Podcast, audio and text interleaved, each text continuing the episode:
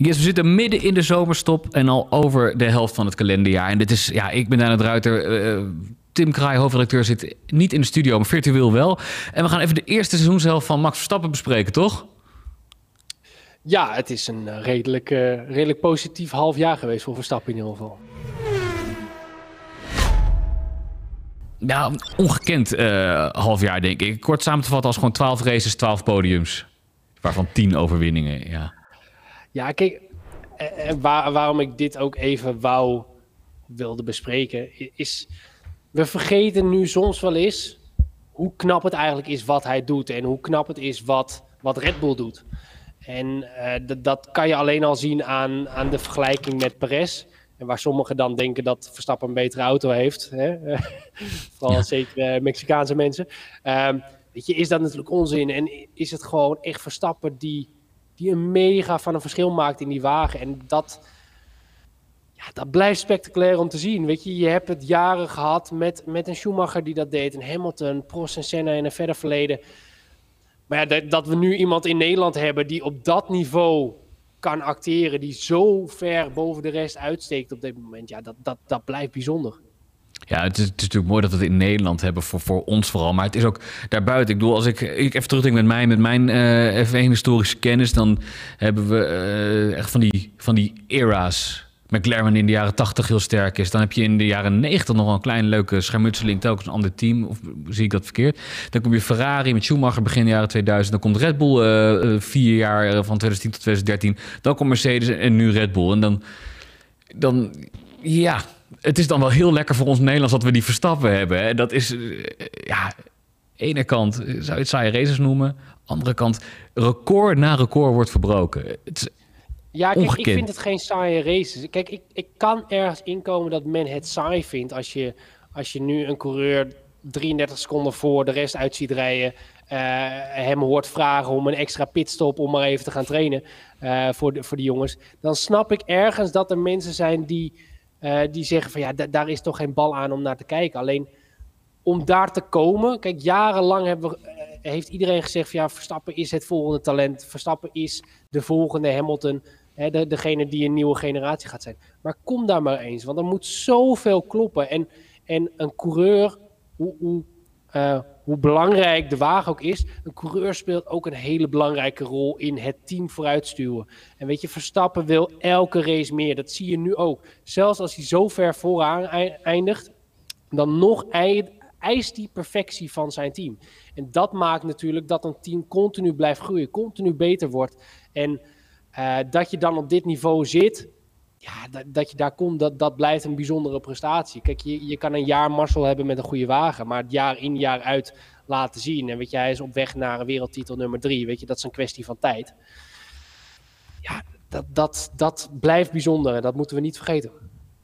Nee, ik ben ook eventjes ondertussen gewoon de cijfers eraan bij, bij zoeken. Um, want we zitten op 12 races van de 24. Ze zijn allemaal gewonnen door Red Bull. Uh, inclusief die van Abu Dhabi vorig jaar. Het zijn het er 13 op rij. Dat is een onverpletterend record. Er is ook niks dat ons momenteel aangeeft van ze gaan de komende 10 niet winnen. En, en zijn ze dan allemaal voor Verstappen. Dat zou ook gewoon kunnen. Want wat staat hem in de weg? Uh, een, een gidsstraf staat hem niet in de weg. Uh, zijn teamgenoot staat hem niet in de weg. Zijn auto staat niet in de weg. Betrouwbaarheidsproblemen eigenlijk niet. Nee, er moet, moet echt iets heel erg misgaan. Wil hij in de komende tien races uh, ze niet allemaal winnen? Uh, of dat Perez wint als hij het een keer niet heeft. Maar heel simpel. Kijk, het blijft een motorische sport. Het, het, blijft sport. En daarin kan altijd van alles gebeuren. Dus het is niet een vanzelfsprekendheid dat hij de komende tien races zomaar even wint. Dus elk weekend moet wel goed blijven lopen. Want anders, kijk, zij zullen ook de aandacht volledig focussen op de 2024 wagen. Uh, waar een McLaren, een Mercedes en Ferrari toch nog veel zullen werken aan de huidige wagen om die gewoon meer te begrijpen. Dus dan ga je toch wel zien dat die teams ietsjes gaan inlopen. En ja, dan, dan hoeft er maar net even iets niet te, te lopen zoals je gewend bent. En dan kan het ook net de andere kant op vallen. Denk aan een Singapore, waar een safety car of een crash om de, om de, om de hoek kan liggen. Um, ja, we, we, hebben Japan waar, waar het kan hozen. Nou is Japan wel een race waar Verstappen altijd, uh, altijd excelleert. Weet zo zijn er gewoon nog wel wat, wat races op de kalender waar, Weet je, Las Vegas is ook zo'n, ja, daar weet niemand nog van hoe, hoe dat zal gaan verlopen. Ja, dat, dat zijn wel dingen waarvan je zegt van ja, het, het, het is geen uitgemaakte zaak. Maar het feit dat de mogelijkheid er is om elke race in een seizoen te winnen, ja, dat, dat is bizar voor, voor Red Bull. En dat Verstappen daar zo'n groot aandeel in heeft natuurlijk ook. Ja, en dat, dat wat we aan het eerste seizoen zelf hebben gezien. Kijk, uh, het begon uh, natuurlijk zoals de afgelopen jaren altijd in Bahrein. En dan direct pol en winst. Oké, van nou, oké, daar gaat hij weer derde titel. Daar dacht je natuurlijk nog niet direct. En toen kwam uh, Jeddah.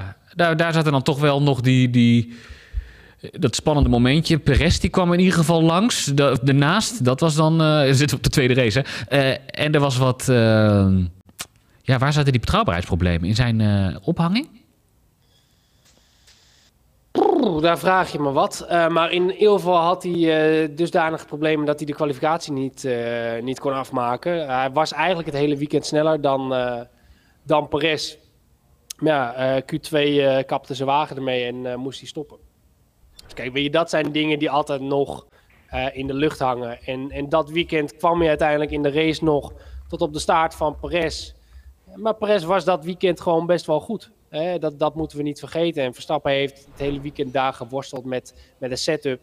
Uh, en dan weet je dat Perez op zijn tractie best nog wel goed is op dat soort banen. En daar pakt hij gewoon terecht de overwinning. En um, sowieso vind ik dat je in die eerste vier, vijf races uh, gewoon merkte dat Perez echt die, die wil had. En, en ook het gevoel kreeg dat hij, dat hij mee kon gaan doen om de, om de wereldtitel. En dat, dat is op zich ook logisch als je één die wagen hebt die zoveel beter is dan de rest. Want dat zagen we natuurlijk helemaal in het, voor het eerst in Saudi-Arabië. Ik weet dat ik na de race heb ik toen een analyse gemaakt waardoor, waarin ik heb gezegd van ja, hier, zie je aan dat, dat Red Bull zoveel overschot heeft. Want toen Verstappen op P2 kwam te liggen, ja, toen ging hij vol gas, Perez vol gas. En toen zag je eigenlijk de echte pace van de RB19. En ja, als je die naast de wagen van Aston Martin toen de tijd, van Mercedes, van Ferrari legde was het verschil gewoon een seconde per ronde. Ja, toen reden ze samen gewoon 20 seconden weg. Hè? Dus elkaar opvolgen. Dus nog wel een klein beetje in gevecht. En dan samen 20 seconden wegrijden. Dat laat het wel zien. Dat was Saudi-Arabië toen van Alonso op P3.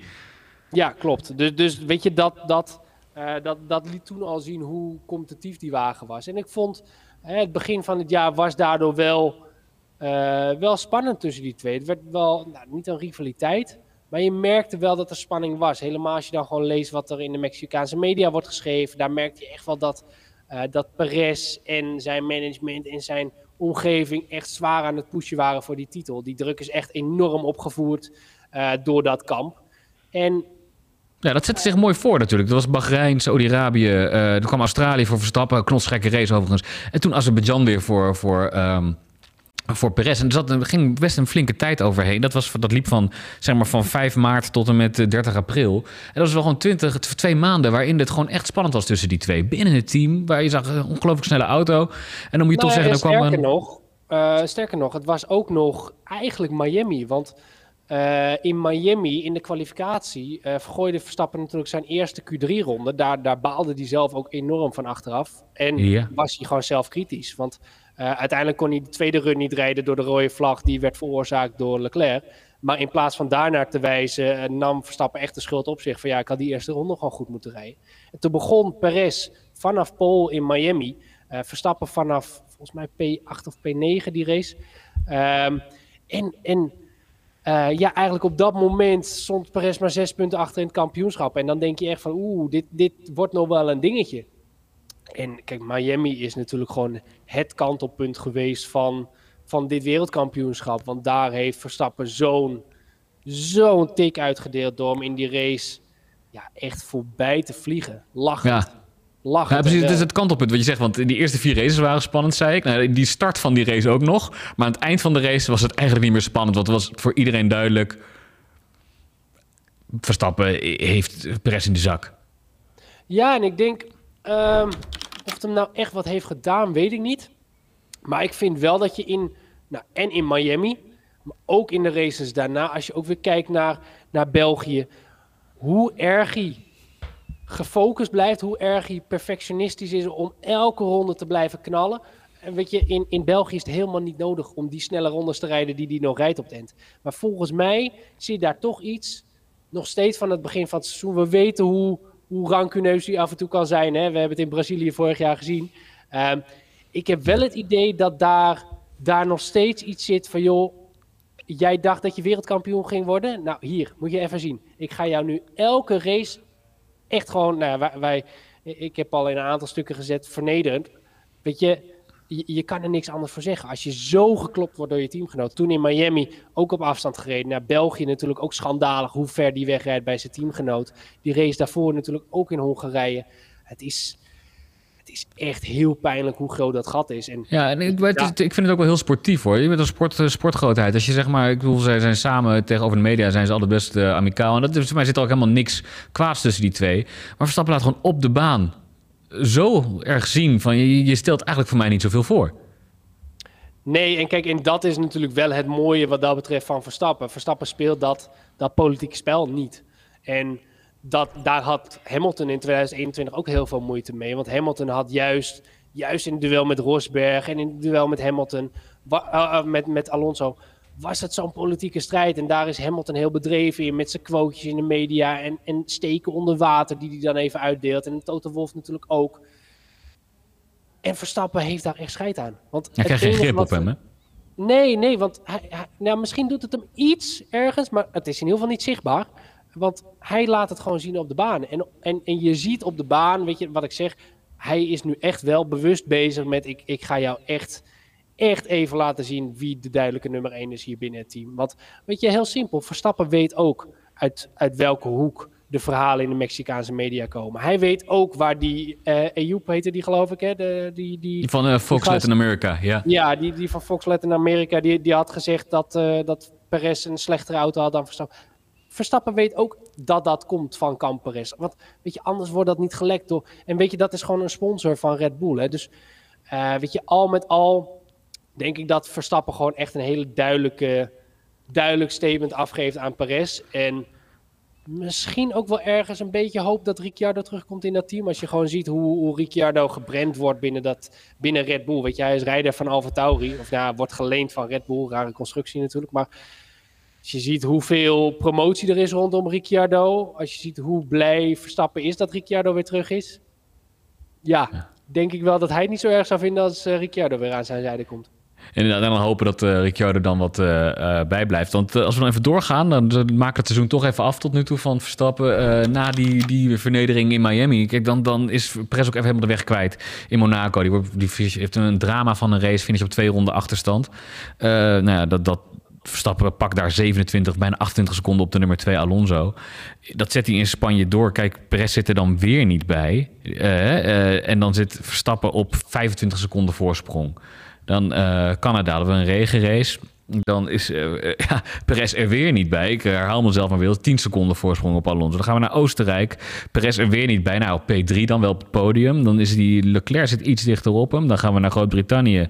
Dan uh, is Perez er weer niet bij. Staat op P6. Uh, dan komt Norris ietsje verder in de buurt. Dan is het Hongarije. Perez pas op B3. Norris achter hem op 33 seconden. En dan België weer met 22 seconden voorsprong. Ik bedoel, Miami kant, want je hij is unleashed.